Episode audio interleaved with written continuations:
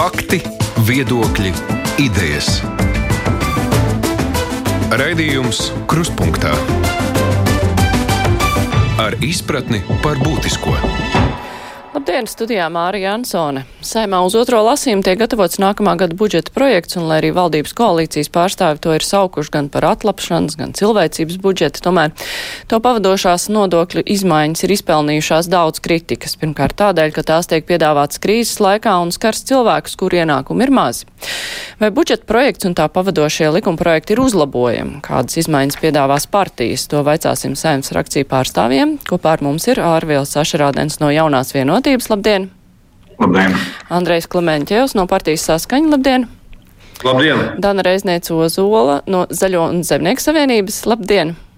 Labdien! Un Daniels Pavļuts no Attīstībai par. Labdien! Uh, Saimnes budžeta komisijas vadītājs nesen Latvijas televīzijā budžeta projektu novērtēja kā labāko no sliktākajiem. Par spīti citiem epitetiem, kas ir izskanējuši no koalīcijas, tas neizklausās diezko labi. Kā jūs sacītu, nu, kāds tad īsti ir šis budžets, ņemot vērā Tajā skaitā arī to, ar kādām bažām šo budžetu un to, šos pavadošos nodokļu likumprojektus gaida mazie uzņēmēji Ašrādenkungs. Jā, paldies. Nu, vienmēr mums ir dažādi aspekti, kā mēs raugamies uz budžetu.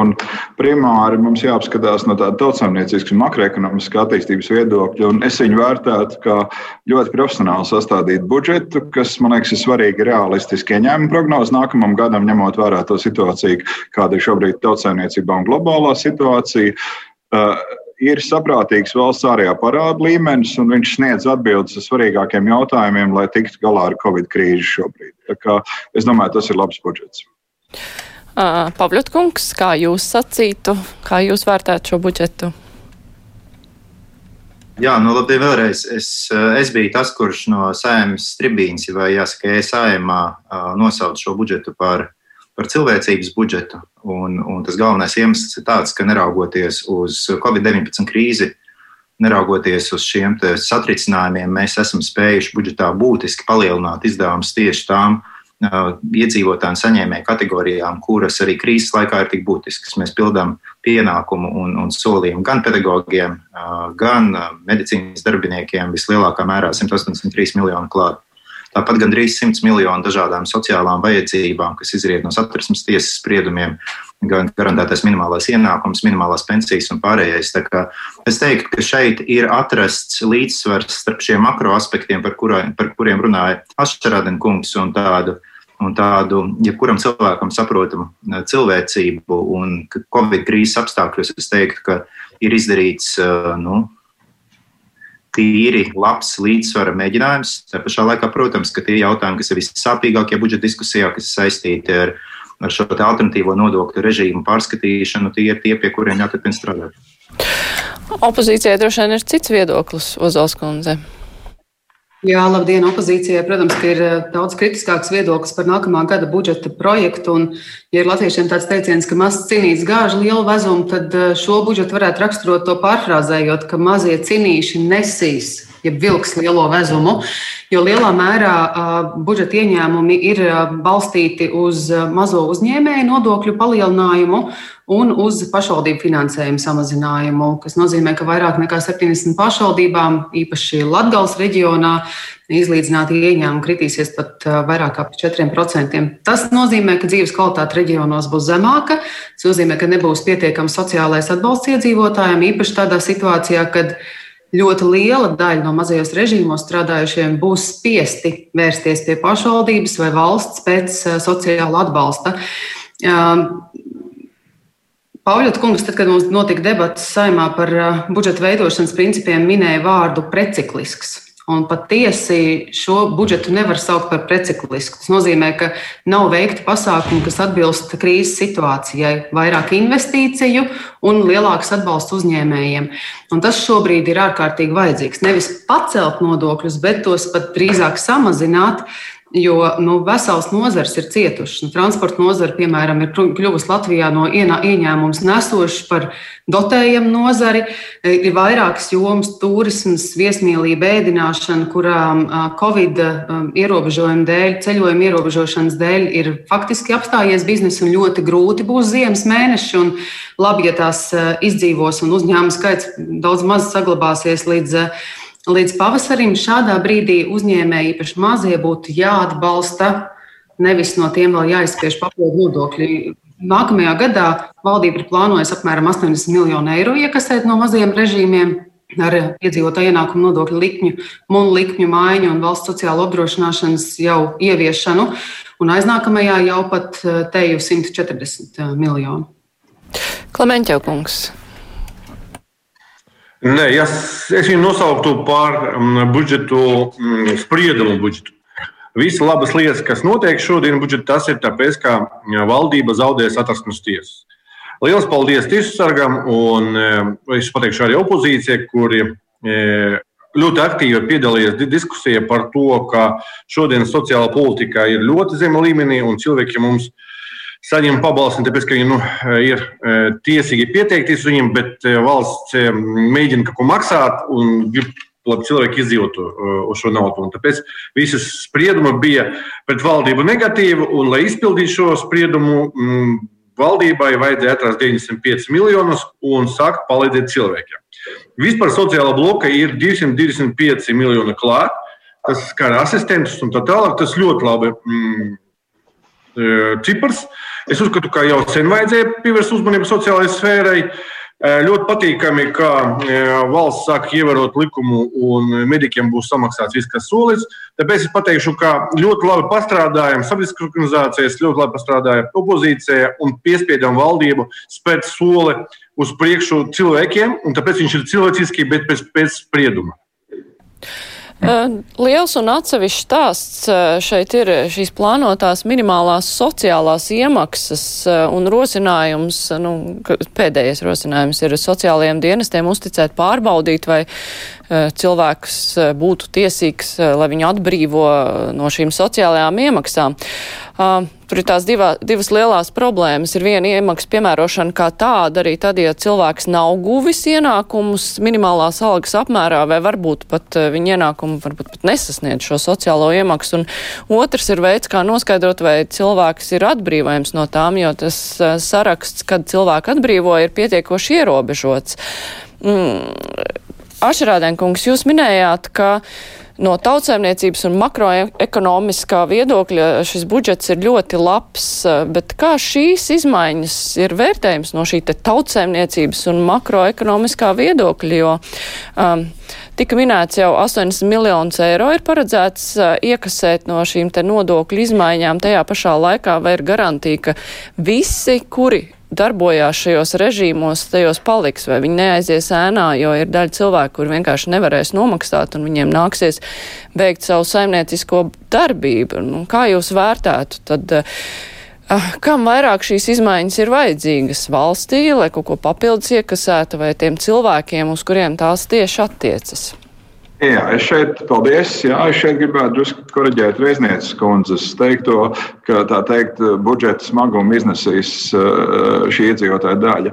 Uh, un es gribu teikt, ka, uh, ja mēs skatāmies kopējais budžets ir 10,76 miljārdi, ja, tad tā summa, ko jūs nosaucāt, ir nedaudz mazāka, gan, bet tas ir tas, ko budžets, tas budžeta efekts varētu būt, kas ir plānots. Bet es domāju, ka viņi nav izšķirīgi. Daudz svarīgāks ir jautājums, ka beidzot tiek atrisināts jautājums par to, ka jebkurš kurš Latvijā strādājošais ir vismaz minimāli sociāli apdrošināts. Ja? Minimāli sociāli apdrošināts. Un mēs sākam ceļu virzībai uz šo jautājumu. Kādēļ tas ir svarīgi? Pavasaris ļoti precīzi parādīja, ka ļoti daudz cilvēku, kad viņi griezās pie valsts pēc palīdzības, kad iestājas krīze, mēs pēkšņi sapratām, ka viņi netiek klāts sociālās apdrošināšanas budžetam, kas ir ļoti solīds. Budžetam ir rezerve, vairāk, kopumā ir vairāk miljardi. Ja?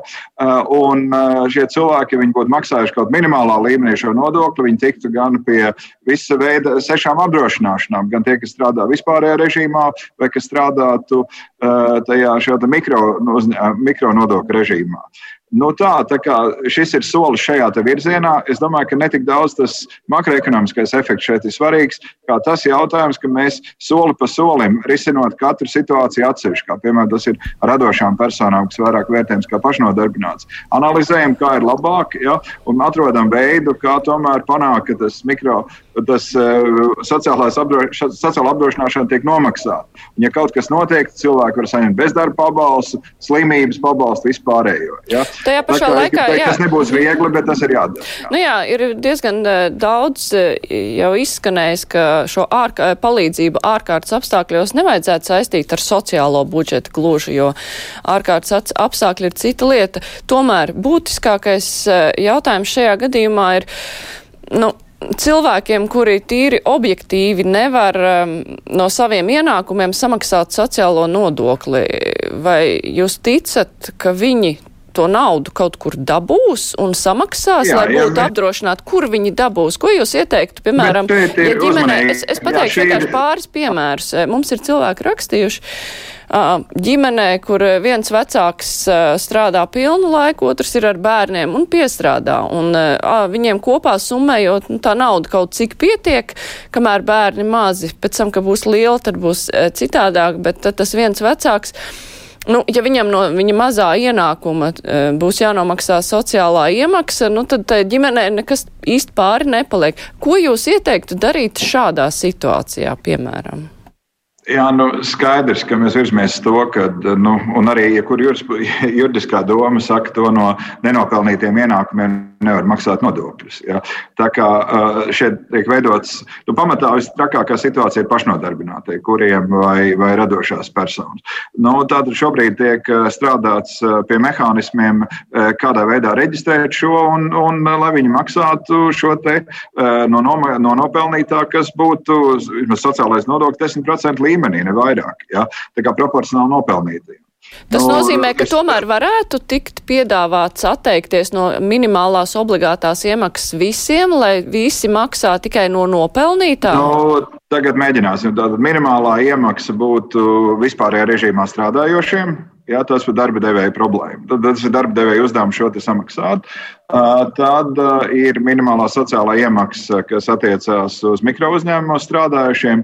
Vissaržģītākā situācija, kā jau teicu, ir pašnodarbinātajiem un autortiesību saņēmējiem, jo tiešām tie ir cilvēki, kas teikt, izvēlās paši, cik daudz un kā strādāt strādāt. Nu, šobrīd uh, kopumā mēs virzamies uz to, ka viņi maksā proporcionāli no sava ienākuma. Tas arī ir viss.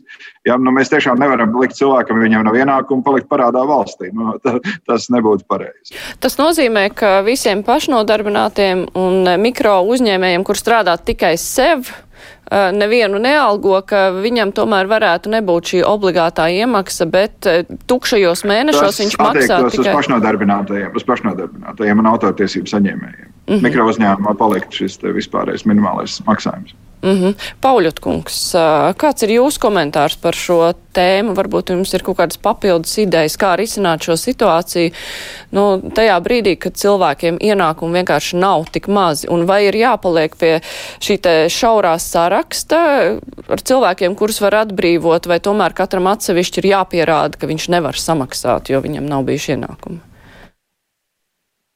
Es domāju, ka pēdējās dienās vai pāris nedēļās šī diskusija ir tiešām uh, bijusi vairāk vērsta uz, uz atsevišķiem gadījumiem. Ja mēs raugamies, un mums jāatminās vienkārši viss tā lielā sistēma kopumā, kāda viņa ir. Tā faktiskā situācija, ka Latvijā ir nepilns miljons nodarbinātu cilvēku, no kuriem divas trešdaļas maksā sociālo nodokli vismaz no, soci, no minimālās algas un ir viena nepilna trešdaļa, jeb 273 tūkstoši cilvēku, kuri pat no minimālās algas šobrīd nemaksā eh, šīs sociālās iemaksas. Un to jau Vašradienas iezīmē, ar ko tas ir saistīts. Eh, jāatzīst gan, eh, jāsaprot, ka šie pārējie, šī trešdaļa jau nav visi autoratlīdzību saņēmēji vai pašnodarbinātie. Tur vien lielākā daļa arī ir algoti cilvēki vispārējā režīmā, Un tur, protams, radās jautājumi, vai tiešām viņam tās algas ir tik mazas, vai kaut kur ir ēnu ekonomika, aplūkšņa algas un tā tālāk. Bet es, es tomēr pārtraukšu arī par vispārējā režīma strādājošiem, jo vai tas nozīmē, ka darba devējiem nu, tad netiks mo motivēti algot cilvēkus uz nepilnu laiku, jo ir cilvēki, kuri tieši gribētu strādāt šo nepilnu laiku, bet nu, tad darba devējs tiek nostādīts situācijā. Gribat nepilnu laiku, piemaksājiet viņu sociālās iemaksas, un pret to arī darba devēja iebilst. Tas ir arī populārs šāds viedoklis, tiek plaši tiražēts, bet uh, Sāksim ar to, ka darba devējs tiek nostādīts situācijā, ka ir jāmaksā nodokļi no pilnas algas, un apakšņa algas ir nepieņemams. Apulkšņa bet jūs skatāties no tās puses, ka šie cilvēki, kur strādā nepilnu laiku, ka viņi krāpjas, bet ja mēs runājam par cilvēkiem, kuri nekrāpjas šajā gadījumā, kāds ir risinājums viņiem, jo tādi cilvēki, kur gribētu strādāt nepilnu laiku, ir daudz. Bet jūs piekrītat arī tam, ka iespējams, ka kāds arī krāpjas ar sociālajiem budžetiem, ka cilvēku sociālās garantijas tiek nolaupītas, vai ne? Protams, jā. Bet ir jādomā arī par tiem, kas nekrāpjas.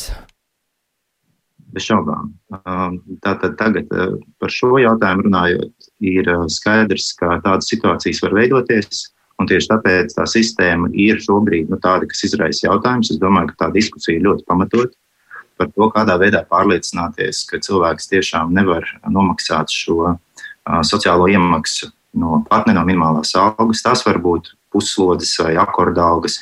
Tās var būt citas situācijas, bet nu, tur šajā gadījumā darba devējiem ir pienākums šo iemaksu veikt, un, un es domāju, labāks risinājums rodams. Vissmagākais jautājums, kā jau te ir izskanējis, tiešām ir pašnodarbinātie un autora atlīdzības saņēmēji, kur paši sev nodrošina darbu.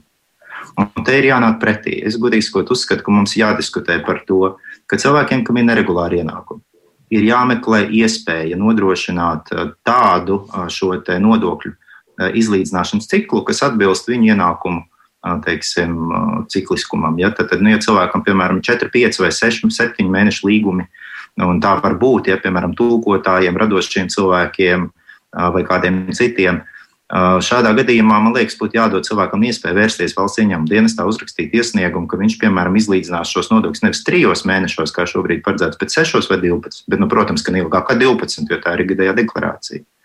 Attiecīgi būtu jāskatās, kā tad labāk tomēr risināt šo institucionālo jautājumu. Ir, ir ļoti, ļoti smaga diskusija šobrīd publiski par to, vai, vai sociālajiem dienestiem būtu jābūt tiem, kas vērtē, vai cilvēks var vai nevar samaksāt šo minimālo sociālo iemaksu no minimālās algas. Manā skatījumā valsts ieņēmuma dienestam būtu daudz lielāka kapacitāte to vērtēt, nekā nu, tur ir darbinieku vairāk, pieredze lielāka un tā tālāk. Bet nu, tā ir diskusija, kas mums valdībā stāv priekšā. Bet eh, vai tiešām cilvēkam ir jāiet uz iestādēm un jāpierāda, ka viņš kaut kādu iemeslu dēļ grib strādāt nepilnu laiku un nepelnīt minimālo algu? Kāpēc viņam tas vispār ir jāpierāda vai nepietiek ar to, ka viņš uzrāda savus ienākumus? Nu, es, nezinu, mēs varbūt mēģinām to situāciju griezt to sarunu citā virzienā. Nu, mums tiešām no tā, tā pavasara situācija parādīja, ka cilvēkiem ir jāspēj, jādod iespēja piekļūt sociālam budžetam. Un vienīgais veids ir, kā veicot, kā, nav cita veida, kā to darīt, kā tikai veicot sociālās iemaksas. Jūs teicāt par valsts atbalstiem. Jā, pareizi, tas ir atbalsts uzņēmēji darbībai, bet tie nav sociālai atbalsti. Ja? Un, un tātad šis sociālais tīkls Latvijā ir ļoti labs, viņš ir labi uzbūvēts uzturēts. Ja? Un, un tātad mums būtu drīzāk jādomā, kā cilvēki var veikt šīs minimālās iemaksas, un uz to būtu jākoncentrē visa diskusija. Igaunijā un Lietuvā tā nav nekāda problēma. Igaunijā, protams, tas ir saistīts ar veselības apdrošināšanu. Ja? Visi, protams, saņem pretī veselības aprūpas pakalpojumu, viņš strādā un funkcionē. Tas ir pašsaprotami. Tur neviens nediskutē par šādu lietu. Nu, mums tas ir ievilcis, ievilcis bezgalīgi gari. Nu, ir valdības, kas ir bijušas tuvu tam, lai pieņemtu, ir atteikšās pēdējā brīdī no šā ieviešanas. Nu, tas, man liekas, tā tādā vienā modernā valstī ir pašsaprotami, ka cilvēki, kas darba cilvēki, ja viņiem tiešām nav kāda problēma, viņi strādā vismaz tik daudz, lai viņi var saņemt minimālās sociālās garantijas. Nu, tā tam vajadzētu būt. Un es domāju, ka par to mums vajadzētu diskutēt.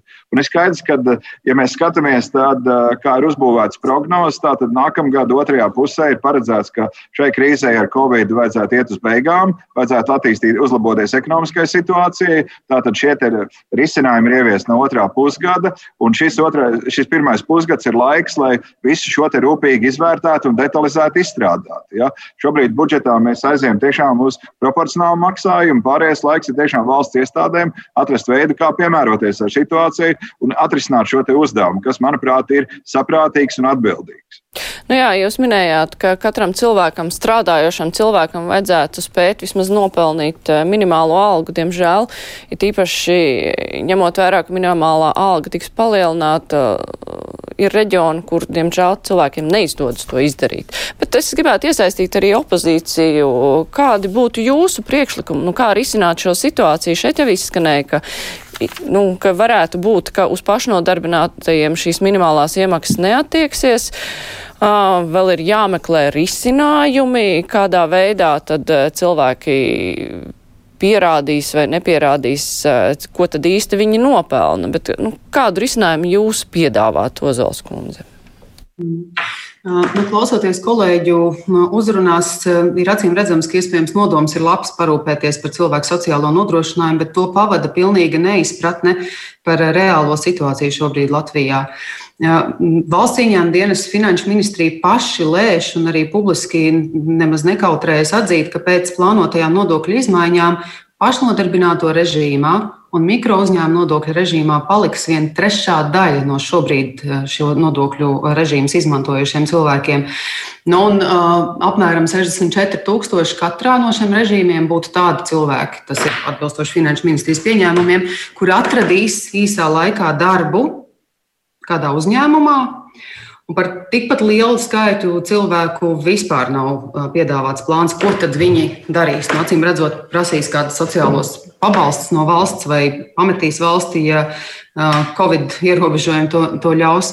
Un es domāju, ka tas ir neprātīgi. Ja krīzes situācijā mēs nopietni plānojam, ka šiem cilvēkiem ir jāatrod darbs, zinot, ka mums ir šobrīd apmēram 20,000 vakanču, lielākā daļa no tiem ir zemi, zemes kvalifikācijas darbs ar salīdzinoši zemām algām.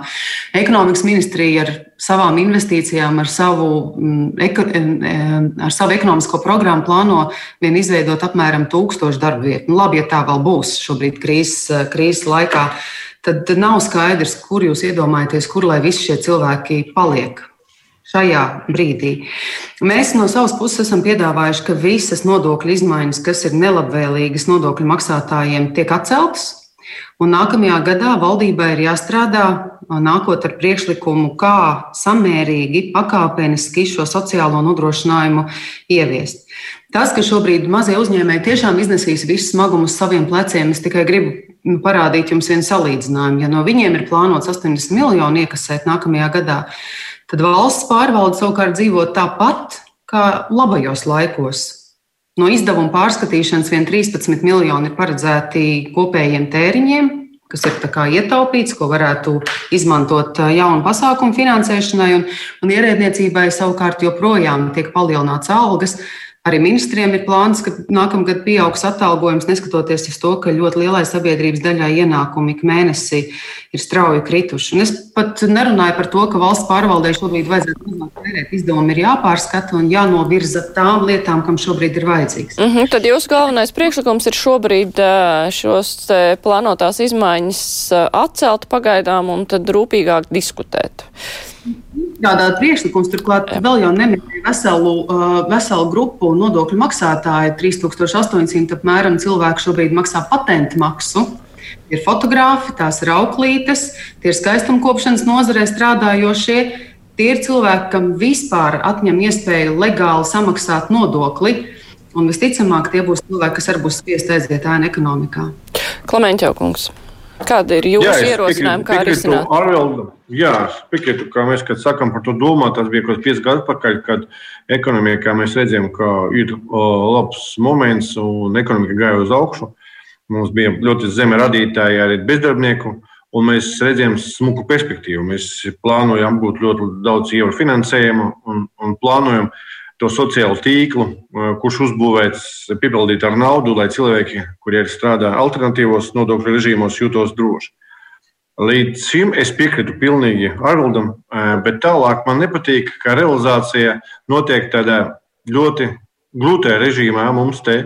Mēs nezinām, cik ilgi būs tas pandēmijas moments. Mēs nezinām, ko pieņems šodien ministra kabinets par ārkārtas situācija, un mēs pie visa tā, ka cilvēki jūtas nedroši par savu veselību, par to, vai būs, nebūs viņam vieta slimnīcā, ja viņam paliks slikts ar sirdi, mēs vēl pievelkam viņam stresu, ka viņam būs jauns nodokļu režīms. Man, man, man nepatīk šī situācija, kad valstī momentā, lai pasniegtu savu roku un palīdzētu cilvēkiem, kuri strādā alternatīvos režīmos, viņi vēl neskaidrs spēles noteikumus ievietot un draud ar valsts ieņemu dienestu, draud ar represijām. Notiks tā, ka viņam vieglāk būs aiziet uz kaut kādu minimālo pabalstu, bezdarbnieku pabalstu vai citu pabalstiem, bet lai ne tikai e, nenodarboties ar kaut ko, par ko viņi var sodīt.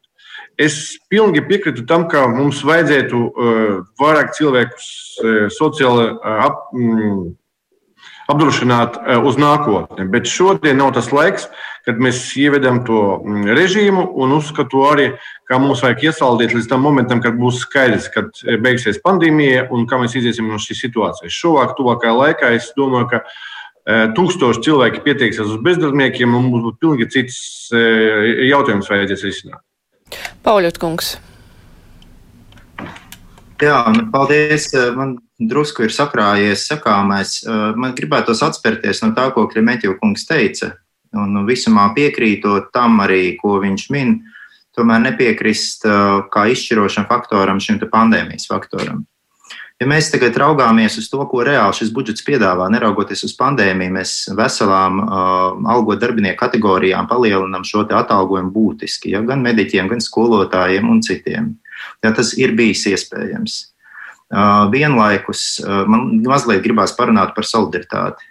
Jo, ja šobrīd mēs vēršam uzmanību uz tiem cilvēkiem, kas līdz šim nav maksājuši pietiekami šo sociālo nodokli un diskutējam, vai viņi var vai nevar, Esmu pilnīgi drošs, ka reizniecei Ozolai nav taisnība. Un visi šie 112,000 vai cik cilvēki, kas darbojās šajos režīmos, nav tā, ka viņi visu saņem mazāk par minimālo algu. Un, un, un tā. Tas ir ļoti rūpīgi jāskatās tajos skaitļos, tieši cik ir tādu cilvēku, kuri patiešām nevar samaksāt pat no minimālās algas, kuriem ienākumi ir mazāki par minimālo algu. Un, un tā. un, ja tā tiešām izrādās, tie ir tiešām trūcīgi cilvēki potenciāli, un viņiem ir jāpalīdz. Tāpēc sociālo dienestu iesaist savā ziņā ir pat ļoti vietā. Tā pašā laikā atcerēsimies to, ka līdz šim šo sociālo budžetu ir samaksājuši tie pārējie cilvēki, tie 700 tūkstoši citi cilvēki, kas strādā vispārējā režīmā, un tieši tāpēc, un tā ir solidaritāte, šiem cilvēkiem sociālās iemaksas, tās lielās iemaksas, pilnās, tiek samazināts par 1%. Nu, bet, ja būsim godīgi, tad mikro uzņēmējiem un pašnodarbinātiem arī no sociālā budžeta nekas īsti arī nenāk. Tāpēc nevar teikt, ka viņi kaut ko īpaši saņemtu. Tieši tā iemesla pēc, ka šīs iemaksas pilnajā režīmā ir daudz lielākas, nesalīdzinām lielākas nekā tās, ko līdz šim ir maksājuši alternatīvos režīmos esošie. Nu jā, ne, es, es vienkārši iebildu pret to, ka, ka viņi negodīgi izmanto to, ko citi ir samaksājuši, bet tomēr es gribēju ne, paturpināt mazliet eh, domu, ko sāk. Tas nav negodīgi. Valsts līdz šim ir ļāvusi to darīt. Valstī ir bijuši nodokļu režīmi, kuros cilvēkiem ir bijušas niecīgas sociālās iemaksas un garantēta nabadzība vecumdienās. Un nav ne maternitātes, ne paternitātes un citas slimības atbalsta. Nu jā, bet tāpēc viņi, Reizniek... nav, viņi arī nav uzskatām par izmantotājiem. E, es tomēr gribēju mazliet pievērsties. Jā. Es tāds vārds mutē. La, Tagad reiznieks uzmanību pārpratu. Lielāko pieredzi jautājumā par vislielāko pieredzi. Jo viņi vienreiz jau mēģināja ieviest šo minimālo sociālo iemaksu, bet pēdējā brīdī atteicās. Es īsti labi neatceros, kas bija tie iemesli, bet es domāju, ka reizniecības uzvalsts kundze noteikti nevar attaisnoties ar to, ka toreiz bija Covid-19 pandēmija, ekonomika bija augoša, un arī toreiz viņi to neizdarīja. Jā, bet es, es, es, es tomēr gribētu sākt runāt arī par uh, citām izmaiņām uh, nodokļu likumos. Es tikai gribēju mazliet precizējumu no Ašrādēnkungs, jo viņš jau norādīja, ka taisnība, ka cilvēkiem ir jābūt sociāli apdrošinātiem un uh, Lietuvas, Igaunijas pieredze parāda, ka cilvēki to var maksāt. Bet kāda īsti tur ir sistēma? Kurš tad maksā par tiem cilvēkiem, kuri uh, nu, varbūt ar savu darbu nevar nopelnīt. Eh, vai jūs esat pētījis, eh, vai tas ir eh, dzīves biedrs, kurš to samaksā? Par darba ņēmēju, par darba devējiem mēs jau runājām, ka tātad darba devējiem pienākums maksāt arī par puslodzē strādājošiem, bet nu, tiem pašnodarbinātiem, kurš viņiem maksā, vai jūs esat pētījuši? Jā, nē, tik smalki, nē, bet uh, Igaunijā nav tik daudz brīnumainu režīmu kā Latvijā. Tur nav mikro uzņēmumu nodokļa režīms uh, attiecībā uz radošiem radošām personām, piemēram, šis ir ļoti sakārtots. Igauni teiksim, savas radošās personas, kurām ir mazi ieņēmumi, ja teiksim, neregulāri ieņēmumi, mazi atbalsta ar radošām stipendijām, bet nu, viņiem nav cik tur, tur desmitiem tūkstoši šādu radošu personu. Viņiem ir ļoti skaidri noteikts, kas tas ir, un ļoti skaidri atbalsta mehānismi. Attiecībā uz pašnodarbinātajiem vai uh, cilvēkiem, uh, kuriem ir, uh, kuri paši uh, nespēja samaksāt, tas skaitlis ir būtiski mazāks bet uh, es pašlaik nevarēšu komentēt. Es zinu, ka noteiktos apstākļos arī uh, val, valsts veids šo iemaksu stājās šī maksātāja vietā, bet uh, tās ir ļoti nelielos gadījumos. Es gribu minēt, ka Lietuvā minimālās sociālās iemaksas nav attiecināmas uz pašnodarbinātiem, jo viņi ļoti labi saprot, ka tie ir cilvēki, kuri nevar pasūdzēties par kādu slikto darba devēju, kurš viņus neapdrošina. Tie ir cilvēki, kuri paši ar savu darbu, nopelna sev iztiku, un, ja var atļauties, tad sevi apdrošina, paļaujoties, ka krīzes situācijā tad varēs arī no valsts sociālā budžeta saņemt atbalstu. Ja šīs apdrošināšanas nav, tad arī šo atbalstu loģiski nesaņem vai saņem mazāk. Šis ir iemesls, kāpēc mēs arī pakāpeniski nodokļu reformas laikā sākām ieviest sociālo apdrošināšanu. Arī pašnodarbinātiem paredzot 5% pensiju uzkrājumam, Un šī nodokļu maksātāja grupa tam neiebilda, jo šis ir, tas bija samērīgs pieaugums. Viņi saprot, ka viņam pretēji ir kāds konkrēts labums. Nākamais solis bija arī mikrouzņēmuma nodokļa režīmā strādājušiem 80% no mikrouzņēmuma nodokļa likmes tiek, tika novirzīts valsts sociālām iemaksām arī palielināt soci sociālo nodrošinājumu, un vienlaikus arī likme nedaudz, ne, nedaudz pieauga. Arī nebija, nebija būtiski iebildumi. Kamēr sociālās iemaksas obligātas, kas bija iepriekšējās valdības eh, pieņemtas un stājās spēkā, kad es biju finanšu ministre, arī labos laikos bija redzams, ka tas ir pārāk strauji kāpums. To nevar atļauties pret mazajiem uzņēmumiem. To nedrīkst viņiem nodarīt. Ja labos laikos tas bija pārāk strauji kāpums, Tad ko tad varam teikt par šo situāciju, ka daudziem vienkārši darba nav vienkārši? Jā, bet, jā, bet šim visam ir otra medaļas puse. Un, ja par to laiku, kad ir pats labākais laiks, ļoti grūti pateikt. Nu, labos laikos nevarēja pieņemt lēmumu, slikto sakal slikti, jo tad ir slikti laiki. Bet, bet es gribu teikt vienu lietu, kas ir ļoti, ļoti svarīga. Ja mēs dzīvojam valstī, kurā divas trešdaļas maksā nodokļus normālā režīmā, un viena trešdaļa maksā būtiski mazākā režīmā, tad tiem divām trešdaļām ir tas efekts, ko mēs šobrīd redzam, ir lielāki darba nodokļi, lai tā teikt, to sistēmu kaut kādā veidā kompensētu. Nu, šobrīd valdība rīkojasies balansēti. Tātad tiem, kas maksā vispārējā režīmā nodokļus, nodokļi ir samazinājusi ja, un pieņēmusi programmu, lai iet uz būtisku samazinājumu procentu punktu katru gadu. Ja? Un tas ir tas punkts, un tas ir tas, izlīdzināšanas sistēmā ļauj daudz sabalansētāk rīkoties ar nodokļu politiku vispār kopumā. Tas ir tā solidaritāte līdz šim ir bijusi. Nu, šobrīd mēs sagaidām, ka būs risinājumi šai lietai. Bet es piekrītu, ka vājākais punkts ir tieši šie pašnodarbinātie. Ja? Tur ir šobrīd ir kompensācijas mehānisms, un tiešām jāanalizē, ko darīt, jo tur eksistē arī vēl viena daļa. Tāda brīva griba, es negribu strādāt, nu, es negribu tos nodokļus. Tad ir tad, protams, ir eh, jāsaprot, ko ar to iesākt. Tā kā ir eh, par to domāsim. Bet šobrīd ir proporcionāli šie nodokļi un nevajadzētu saprokt. Jā, man ir, es, es, es tomēr gribētu atgādināt eh, radio klausītājiem, televīzijas skatītājiem, ka šodien mūsu diskusijā piedalās Arvils Ašarādens no jaunās vienotības, Andrejs Klementjevs no partijas saskaņa, Dana Reizniec Ozola no Zaļo un Zemnieku savienības un Daniels Pavļuts no attīstībai par. Raidījums Krustpunktā. Viena vēstule klausītājs raksta, esmu mikro uzņēmējs, es atbalstītu pakāpenisku palielināšanu, bet šī ir iznīcināšana pēc šīm nodokļu izmaiņām. Es visticamāk pārvākšos uz Lietuvu, tādējādi valsts neiegūs pilnīgi neko. Ja mēs runājam par mikro uzņēmējiem, tad viņiem tagad nodokļi pat lielāk sanāk nekā pašnodarbinātajiem mikro uzņēmēji. No, nodoklis ka... ir lielāks nekā ienākuma nodoklis plus sociālās iemaksas. Mēs mēģināsim iekasēt no kaut kādu naudu, bet viņi aizies uz sociālo dienestu un prasīs palīdzību no valsts un no pašvaldības. Es baidos, ka pašnodarbinātie un patentu saņēmēji rītā jau papildinās to rindu pie, pie sociālajiem dienestiem. Kas šodien es uzskatu, ka laiks ļoti svarīgs, kuros apstākļos mēs sākam ieviest jaunas režīmus.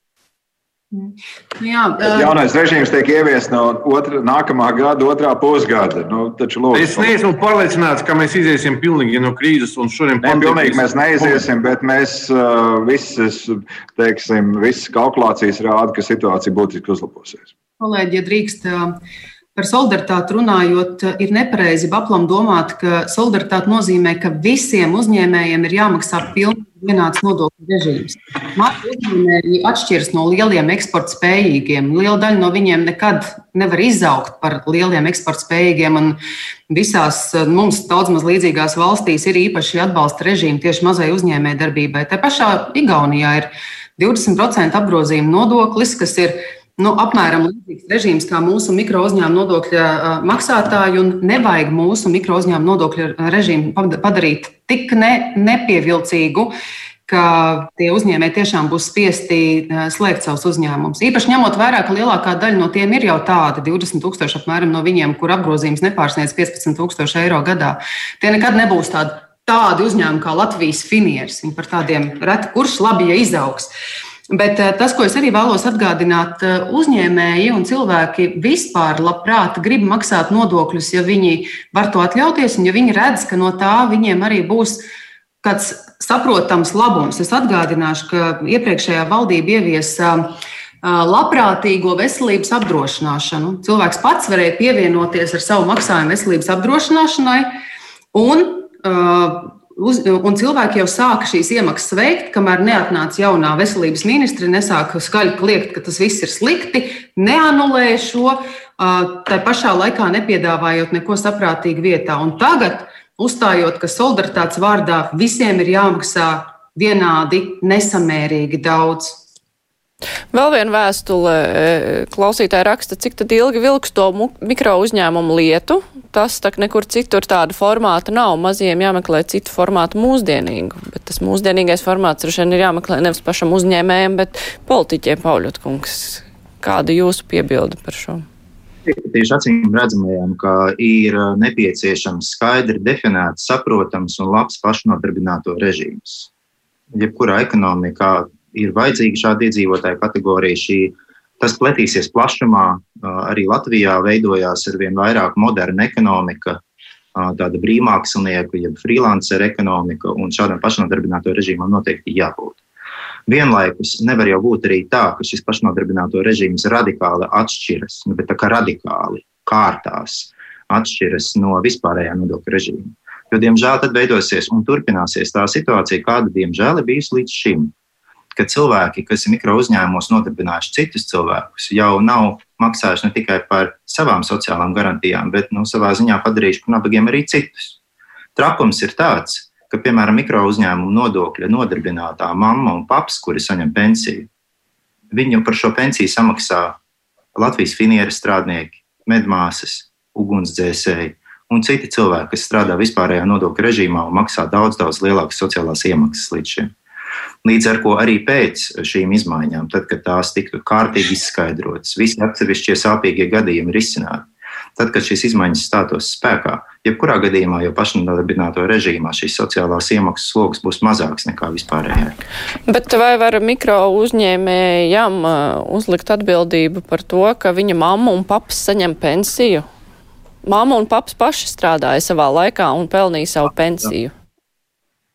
Tā gluži nav. Latvijā ir solidāra pensiju sistēma, kurā patreizējā paudze lielā mērā maksā to naudu, no kuras var izmaksāt pensiju tām paudzēm, kas ir strādājušas agrāk. Tā tas darbojās. Tā tas darbojās, tā, bet, tik... bet ir diezgan daudz cilvēku, kuri kaut kādu iemeslu dēļ, piemēram, nestrādā, un viņu mamma un paps arī saņem pensiju. Tomēr vai tā var skatīties uz šīm problēmām? Droši vien, jā, ka tā tieši nevarētu tā korelācija uzlikt, bet, bet, Bet viens, ko es gan gribētu pateikt par to režīmu, nu, tas režīms radās kā pēckrīzes režīms 2009. gadā. Tad viņš glāba tiešām tā bija traģiska situācija. Šobrīd situācija ir pilnīgi cita. Ja, un, un to režīmu, kā mēs runājam, viņam mēģināja, ir vairākas reizes bijuši mēģināt viņu pārskatīt vai atcelt vai kā savādāk. Nu, šobrīd ir valdība ir saņēmusies, un, un tā ir pareizi, ko arī uh, tas cilvēks, kas bija rakstījis radio e-pasta, teica, ka tāda režīma nekur citur nav. Nu, tas Latvijā to ir unikāli. Nu, ir laiks no sākt viņu kaut kā pārskatīt. Kā tas beidzot ir sācies. Jūs jau nu, faktiski no visiem izskanēja, ka ir vēl daudz problēmas, kuras ir jārisina šajā piedāvājumā. Bet vai to visu var izdarīt tik ātri, lai tas tiešām nu, būtu labs risinājums, lai nebūtu tā, ka pieņem un pēc tam izrādās, ka tas nestrādā tik labi un tad atkal ir kaut kas jāmaina. Vai tomēr tas nenotiek pārāk sasteigti, jo šīs te izmaiņas tapa diezgan strauji un cilvēkiem tas nāca kā liels pārsteigums un tikai tagad noteiktās lielās diskusijas, vai tik ātri var rast to labo risinājumu. Kā jau minēju, ir, ir pietiekams pārējais laiks, tātad tiks pieņemts budžets, un tātad uh, valsts institūcijām ir uh, ar, ar, ar sabiedrības pārstāvjiem pietiekams laiks izdiskutēt rūpīgi šos jautājumus līdz otrajam pusgadam. Ja? Un, un tiešām sāk iezīmēties tie svarīgākie jautājumi. Gan ar radošām personām, tur ļoti atšķirīgas grupas. Tur ir telnieki, un tur ir rakstnieki, un tur ir filmētāji, un, un kas tik tur viss nav. Un, un skaidrs, ka katrai jāatrod savs risinājums, un man liekas, ministrija ļoti labi to dara. Nu, pašnodarbinātie ir līdzīgi. Tā tad ir ļoti svarīga sadarbība ar sociālajiem dienestiem, nodarbinātības valsts aģentūru, domāt, ko ar to darīt un saprast, kā to problēmu visprecīzāk risināt. Un tādēļ arī šis pārējais periods ir, kurā ir šī proporcionālā nodokļa nomaksa. Es tiešām aicinātu cilvēkus nebiedēt ar to, ka tam būs tādas katastrofālas, episkas sekas. Drīzāk domāt par to, kā mēs varam izdarīt labāk, lai mēs nonāktu pie tā, ka Latvijā mēs varam būt pārliecināti, ka visi cilvēki ir sociāli apdrošināti, kas atbilst viens moderns valsts statusam. Tajā pašā laikā, nu, saima taču pieņems to galveno rāmi, tas nodokļu izmaiņas un uh, iestādes, kuras tad piemeklēs tos risinājumus dažādām kategorijām, viņas jau nevarēs iziet ārpus ārpus tā rāmi, kas pieņemts. Tas, pieņemts. Jā, tas ir pareizi, bet likums dod galveno algoritmu. Pēc tam ir ministra kabineta noteikumi, kas paredz kārtību, kādā viena vai otra vai trešā lieta notiek. Ja? Tā kā ir izmaiņas, un arī likumā ir iespējams izmaiņas līdz uh, nākamajam pusgadam, es nezinu, ja parādot atbildīgās uh, institūcijas vai kā savādāk. Kā es domāju, laiks ir un to var izdarīt. Viss. Tā kā svarīgi ir lielais lēmums, ka to dara, tad kā to dara, vēl tam ir iespēja, ir laiks manevram. Pauļot kungs, jūs piekrītat, ka nevajag neko atlikt, bet kaut kādas izmaiņas tajos piedāvātajos eh, nodokļu likumos būs atšķirīgas, nu kaut kāda atšķirīga redakcija no tā, kas tagad ir pieņemts eh, uz pirmo lasījumu. Skaidrs jau ir, jau nu, kaut vēl aplaujas ministrijas skata, kādā veidā šīs proporcionālitātes minimālās sociālās iemaksas maksā. Mm -hmm. Pauļot kungs. Man liekas, kolēģi, ka tajās detaļās ir šobrīd uh, mēs esam drusku arī apmaldījušies, jo pa brīdim aizmirstās lielā bilde. Un lielā bilde ir tāda, ka šajā budžetā uh, ir paredzēts, ka lielākai Latvijas iedzīvotāju daļai nodokļu sloks varētu samazināties. Un tad ir iedzīvotāju grupas, kuras skar diezgan būtiskas, novēlotas izmaiņas, un tās, diemžēl, šobrīd nav izdevies labi izskaidrot. Un, un šobrīd, man liekas, pats lielākais izaicinājums mums visiem līdz kaut kādu galu lēmumu pieņemšanai ir iedzīgi paskaidrot galvenās lietas. Skaidrs, ka ieviešanā un niansēs būs iespējams vajadzīgas korekcijas. No savas puses var teikt, ka mēs izdarīsim visu iespējamo, lai izķertu tās bluses, kuras līdz otrā lasījuma balsojumam sēmā ir iespējams vēl izlabot valdībā. Tā pašā laikā lielās līnijās izskatās, ka tā, tās izmaiņas varētu tādas palikt. Un tās lielās līnijas ir tādas, ka mums tiešām ir jāpalīdz, jārada mehānisms, gan saprotams mehānisms, kur visos režīmos strādājošie nomaksā kaut vai kaut kādas minimālas sociālās iemaksas. Speciālajām grupām, grupām ar īpašām situācijām, kuriem ir mazi ienākumi, autoriem, radošajiem cilvēkiem, tiek rasti uh, speciāli uh, nu, palīdzības veidi. Un arī tie, diemžēl, līdz galam vēl nav skaidri. Ir politiska vienošanās par to, ka radošiem cilvēkiem valsts palīdzēs nomaksāt šo nodokļu starpību vai, vai kā citādi amortizēt šos izmaiņu sekas. Bet nu, tādas detaļas, diemžēl, šobrīd vēl nav. Pie tā, kā es saprotu, atbildīgās ministrijas turpina strādāt. Ko piedāvās opozīcija? Vienkārši atlikt, vai jums būs kaut kāda specifiskāka priekšlikuma, Klementjo kungs? Atlikt. Mēs uzskatām, ka šodien ideja laba, bet realizācija briesmīga. Ozols kundze, jūs tāpat? Mēs piedāvājam atlikt visas izmaiņas, kas paredz nodokļu palielinājumu. Nodokļu palielinājums būs vairākiem simtiem tūkstošu Latvijas iedzīvotāju. Tas nav joks, un tādā situācijā nevar teikt, ka mēs par detaļām runāsim pēc tam. Nu, kas tās ir par detaļām, pie kuras institūcijas cilvēkam būs jāiet pierādīt, cik viņš ir nabadzīgs, daudz bērnu māmiņai vai, piemēram, bērni ar kustību traucējumiem, vecākiem, kur piestrādā daļai darbu, viņiem būs jāiet pazemoties sociālos dienestos vai pat valsts cieņām dienestā vai nodarbinātības valsts aģentūrā. Nu, tas nav normāli un tas nav detaļas. Bez atlikšanas mums ir arī savs redzējums, ko mēs esam sagatavojuši kopā ar citiem opozīcijas deputātiem par par mikrouzņēmumu nodokļu režīmu. Nav tiesa, ka šāds režīms, saucam to citādi, bet pēc būtības tāds pats, jeb līdzīgs ir arī citās valstīs. Mēs piedāvāsim savu redzējumu pārņemt Francijas nodokļu režīmu mazajiem uzņēmējiem. Tas būs tāds kvalitatīvs jauns piedāvājums kuru cerams arī koalīcija pēc būtības ņems vērā. Ja ne šajā budžetā, tad vismaz strādājot pie ilgspējīgas, pie kvalitatīvas nodokļu politikas. Jā, mums uh, maz laika palika, bet uh, tomēr gribētos saprast um, ar šo te principu par ienākumu nodokļu, sa, sa, nodokļu sadali starp valstu un pašvaldībām, kas pašvaldībām samazinās ienākums. Vai tām ir paredzēts kompensēt to visu, jo pašvaldībām jau arī būs jātiek galā ar minimālās algas palielināšanu un ar GMI palielināšanu? Kāda ir kompensācijas mehānismi, vai tie ir pietiekoši, Ašarādēnkungs? Jā, šobrīd tā situācija veidojās, lai ar pašvaldību budžeta samazinājumiem veidojas galvenokārt, lai mēs varētu atbalstīt tos, kas atrodas nu, teiktu, tādās frontes pirmajās līnijās. Tie ir mediķi. Ja, tad mediķu augs pacelt, otrs tie ir pedagogi, kas strādā attālinātā režīmā, nodrošinot stabilu skolu darbību. Uh, Un es uz viņu šo situāciju raugos kā īstermiņa situāciju. Tātad šogad ir samazinājies pašvaldību budžeti, bet savukārt, ja mēs skatāmies nākamās prognozes, tad jau 22. gadā pašvaldību budžeta daļa jau ir būtiski lielāka nekā, nekā 19. gadā. Tā, tā ir tā divu gadu uh, problēma. Un tā tad tas, par ko ir šobrīd notiek galvenās sarunas starp pašvaldību savienību un finanšu ministriju par to, kā atrisināt šo situāciju ar dažādiem iespējām pašvaldībām palielināt aizdevumu portfeli un atbalstīt pašvaldības no tā saucamās krīzes atjaunošanas programmām un, un, un, un Eiropas fonda programmām. Tā kā Tur ir šķiet, ir panākt diezgan labi lēmumi, un es stāvu šī brīdī Uh, nu, tas ir atšķirīgs no pašvaldības pašvaldības. Protams, ir pašvaldības, kurām ir pietiekami uh, liels tā saucamā maznodrošināta nu, maznodrošināt cilvēku daļa. Tur tas trieciens ir drusku lielāks, bet uh, kopumā es teiktu, ka šī ir, ir šobrīd sarunās tiek risināta šīs situācijas ar finanšu ministriju un pašvaldību. Mm -hmm. Klemenķev kungs, vai jūs Jā, uzskatāt, ka ir pietiekoši? Nē, protams, trūcīgas pašvaldības dzīvos sliktāk.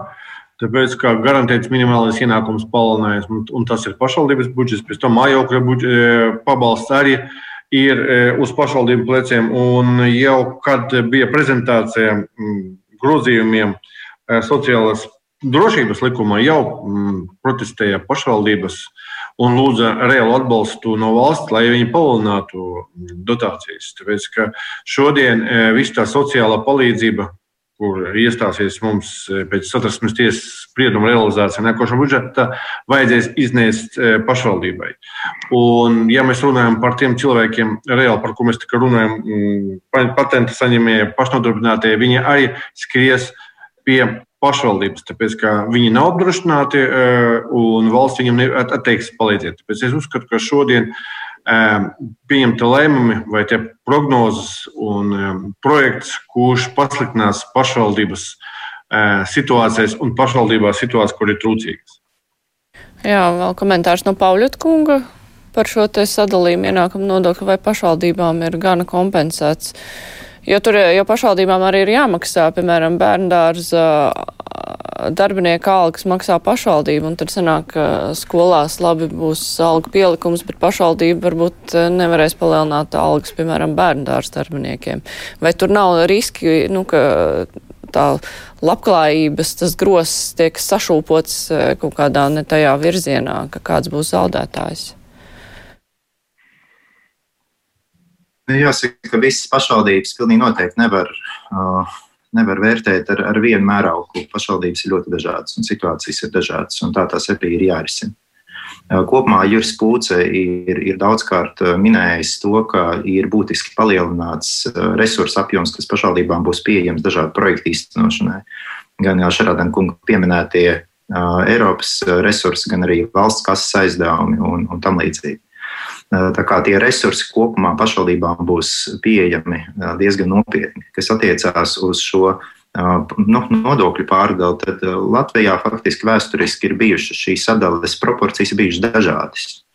Un tie 80, 20, kas līdz šim gadam bija, jau nav akmenī cirsti, ir, ir, ir šīs vienošanās par, par šo nodokļu sadali bijušas dažādas. Un, un šajā gadījumā šī pārdale ļauj būtībā parūpēties par, par visās pašvaldībos dzīvojušiem cilvēkiem, novirzot papildu resursus, tostarp arī veselības aprūpei, un, un faktiski nu, solidāri, solidāri finansējot veselības aprūpes sistēmu, kuru savādāk pašvaldības tieši nefinansē lielākoties. Tā kā, nu, jāsaka, te ir diezgan liela atšķirība Eiropā starp valstīm, kurās pašvaldības nefinansē pašvaldības nu, veselības aprūpes sistēmu kopumā tiešā veidā un, un, un, un tām, kurās piedalās. Un Latvija līdz šim ir bijusi tāda valsts, kurā pašvaldības tieši nav nodrošinājušas veselības aprūpi, to darīs valsts. Līdz ar to te ir arī jāatrod kaut kāds līdzsvars. Ja mēs, diemžēl, esam, esam mantinieki tādai situācijai, kāda ir, un, un rodam tādus risinājumus, kas ļauj atrisināt citu starpā arī nevienlīdzību mazinošas pasākums, kā veselības aprūpas finansēšanas palielinājums. Jā, vēl īsts komentārs no Ozols kundzes minūti, ja varat par pašvaldību situāciju. Pašvaldību situācija būs bēdīga. To budžets tiek noplicināts vairāk kā 90 miljonu, pat vēl vairāk tiek samazināti ieņēmumi, kas nozīmē, ka daļa no tām būs spiests noēst savas rezerves līdzekļus, kas bija plānoti attīstības projektiem. Daļa būs spiest pārskatīt sociālo atbalstu, un daļa arī iespējams nevarēs, kā jūs arī teicāt, palielināt bērnu dārza audzinātājiem algas. Un, Jāsaka, ka, diemžēl, valdība bija gan augstprātīga un neatrada risinājumu pat 9 miljonu apmērā tām pašvaldībām, kurām šis ienākuma kritums ir bijis visstraujākais. Kā jau teicu, pamatā tās ir pašvaldības Latvijā, kur mēs politiķu vārdos sakām, ka tas ir reģions, kuru īpaši gribam atbalstīt, bet darbos mēs redzam, ka, nāk, ka piemēram, nākamā gada budžetā faktiski nauda tiek atņemta. Tas nozīmē, ka cilvēkiem dzīve kļūst sliktāka. Jā, un es varu piebilst, lasot klausītāju vēstules, redzēt, ka cilvēki tiešām ir satraukti par to, kas būs, īpaši runājot par nodokļu izmaiņām. Un, uh, tas, kas te izskanēja, ka pašnodarbinātajiem arī ir cerības tad nemaksāt uh, nodokli par ienākumiem, ko viņi ir saņēmuši, bet, nu, cilvēki, jā, cer, ka šie te noteikumi, kas tiks pieņemti, lai nodokļu likums strādātu, jā, ka tur padomās par visiem. Tā kā turēsim jūs pie vārda, ka tas tiks rūpīgi izstrādāts. Es teikšu paldies. Šodien kopā ar mums saimnes deputāti Arvēl Saša Rādens, jaunā vienotība, Dan Reizniec Ozola, Zaļo zemnieku savienība, Daniels Pavļots attīstībai par un Andrejs Klementjevs no partijas saskaņa. Paldies, ka varējāt piedalīties. Paldies, raidījums izskan, raidījuma producente Evi Junāma, studijā bija Mārija Ansona. Visu labi, tiekamies rīt!